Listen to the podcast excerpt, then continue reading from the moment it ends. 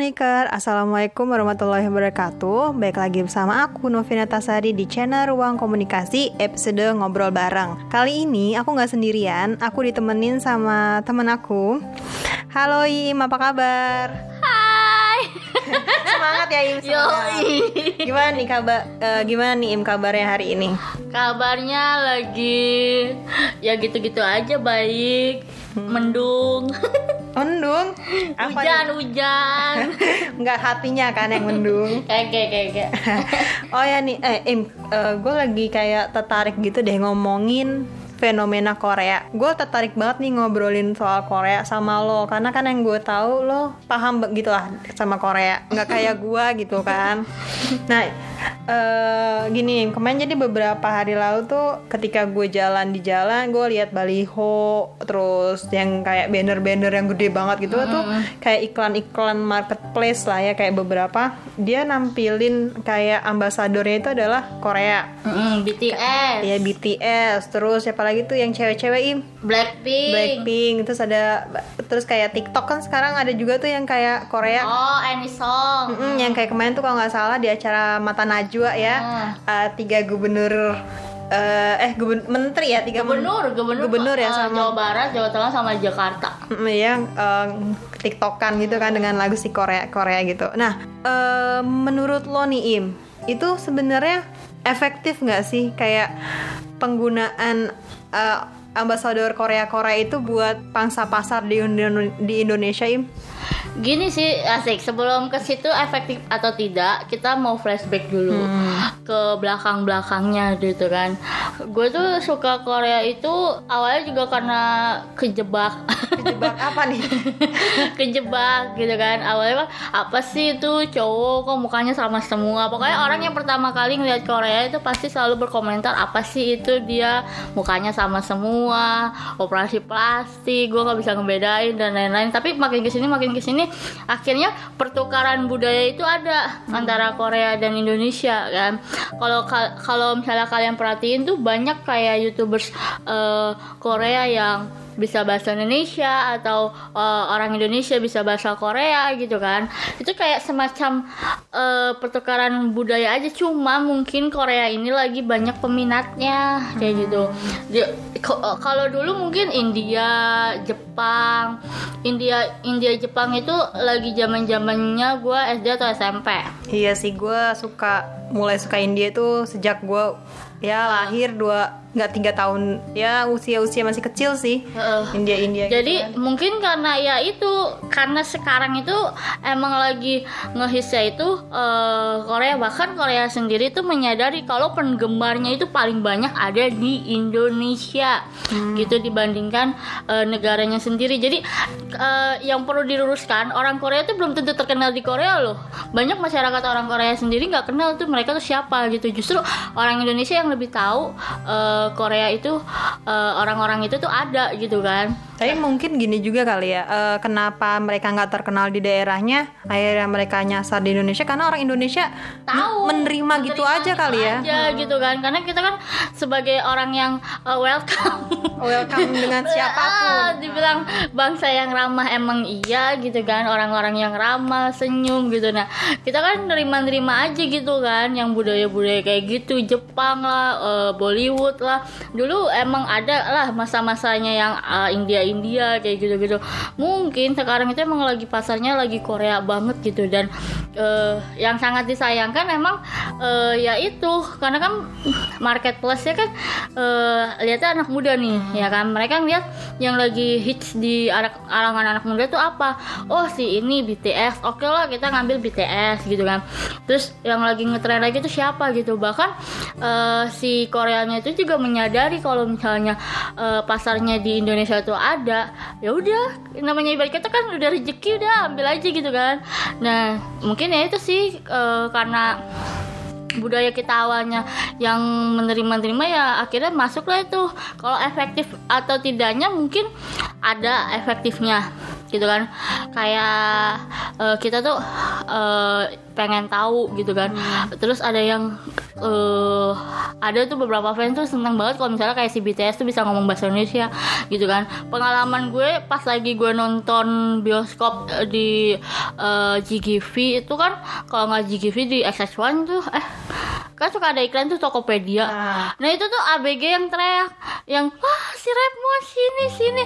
Dan itu kan yang Oh berarti tuh mereka melihat eh, si orangnya itu kan. Karena emang dulu gue akuin eh, Kita tuh nyari video orang Korea tuh susah banget Dibandingkan kayak sekarang tuh semua channel tuh ada gitu View, Netflix kayak gitu kan. Dulu kita nyari video-video Korea tuh susah banget zaman zaman dulu tuh. Yang kayak eh, mereka bisa ke sini aja tuh udah kayak bersyukur gitu kali ya buat buat para pencinta Korea ya. Eh, gitu. Bahkan dulu kan masih kayak adalah K-pop alay lah. Dan itu sih masih sampai sekarang sih kita ngerasain yang namanya eh, bulian. Ah lu K-popers alay lu lah bla bla bla. Ya itu jangan ngatain karena lu bakalan kena juga kayak gue Nah, eh, seru nih. K-popers alay itu gimana tuh? Eh, apakah ada level-level gitu nggak sih?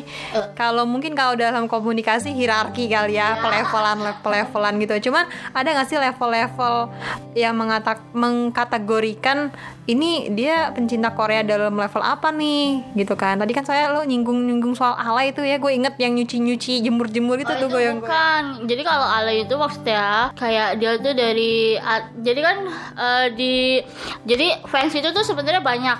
Jadi ada yang multi fandom, ada yang one fandom, ada yang two fandom, multi fandom itu semuanya suka. Eh, eh, artis K-pop siapa pun yang comeback tuh mereka tuh suka gitu. Eh, bahkan mereka tuh hafal. Nah, gue termasuk yang multi fandom karena eh, nggak maksudnya kalau misalnya gue bucin satu orang doang itu bakalan capek sendiri gitu.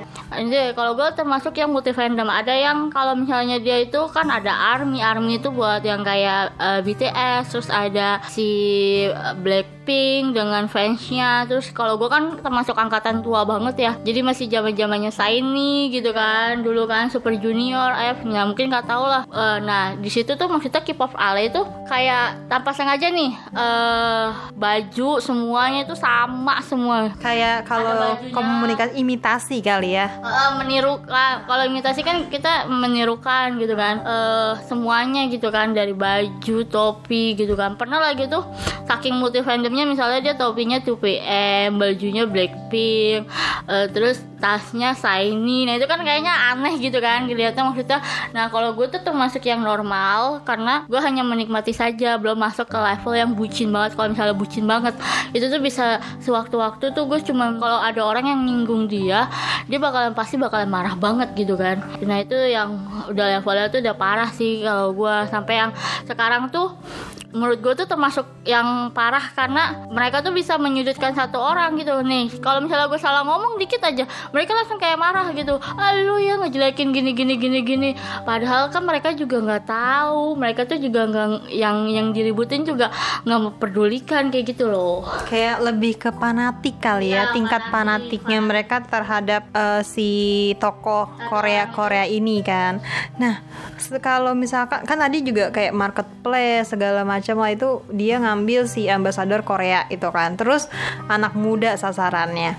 Nah, kalau dalam segi komunikasi ya gue mungkin gue nggak dibilang muda juga sih gitu, nggak dibilang muda, nggak dibilang tua lah gue karena kita Tengah. peralihan kita tengah-tengah kan. Nah, ketika gue mungkin gue salah satu orang yang nggak terkultivasi kali ya dengan si pengaruh ambasador yang menggunakan Korea Korea ini. Ketika gue ngelihat di marketplace ya gue nggak ngelihat si tokohnya, tapi gue jujur aja gue ngeliat harga sih sebenarnya kan. Karena mm-mm, semakin the marketplace jual harga murah gue akan beli ya. Bodoh amat lah, kayak bodoh teing lah kalau misalkan mau pakai Korea atau apa gitu kan. Nah tapi eh, pernah nggak sih kayak lo ngebaca research atau apa yang mengatakan bahwa eh, penggunaan si Korea ini sangat efektif gitu dengan penjualan gitu-gitu lo pernah nggak sih atau gimana sih lo ngelihat hal kayak gitu?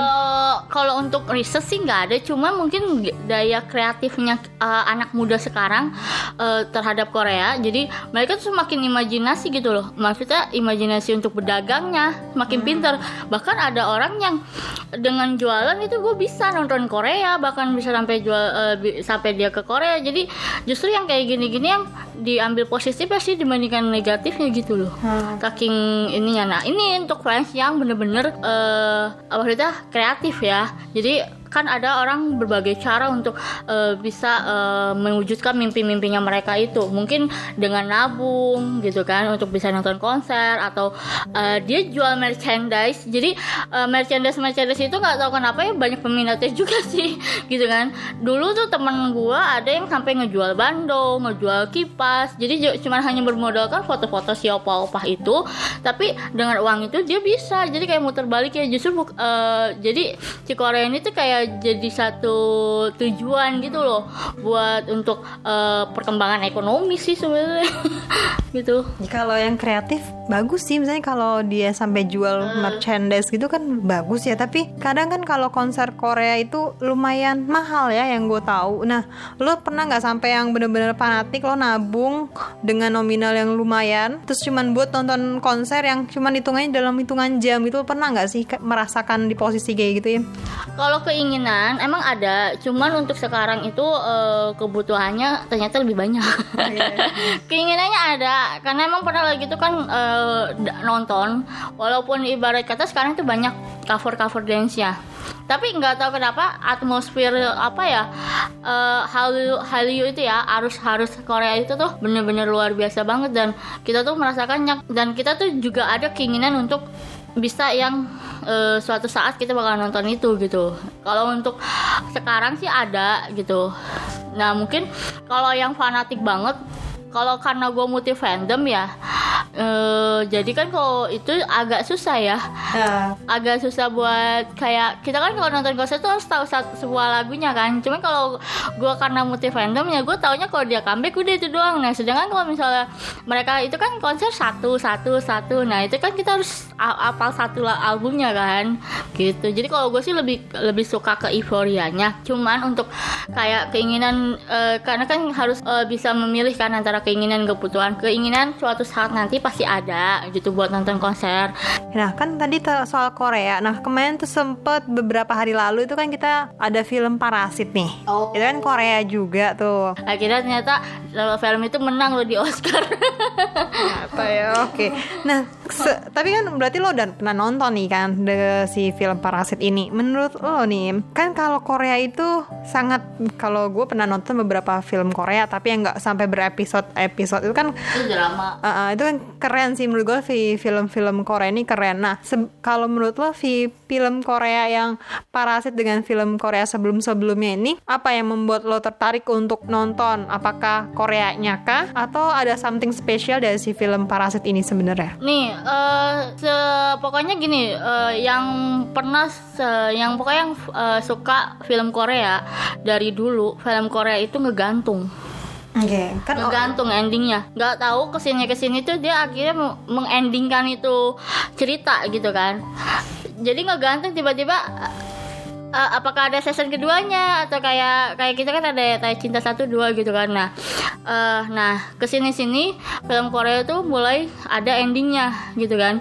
Maksudnya ada endingnya tuh oh ini gitu kan. Dan untuk film Parasit sendiri itu tuh emang kalau yang nggak yang bingung itu bakalan nyari apa ya bakalan muter ulang lagi sih. Karena emang bingung kan.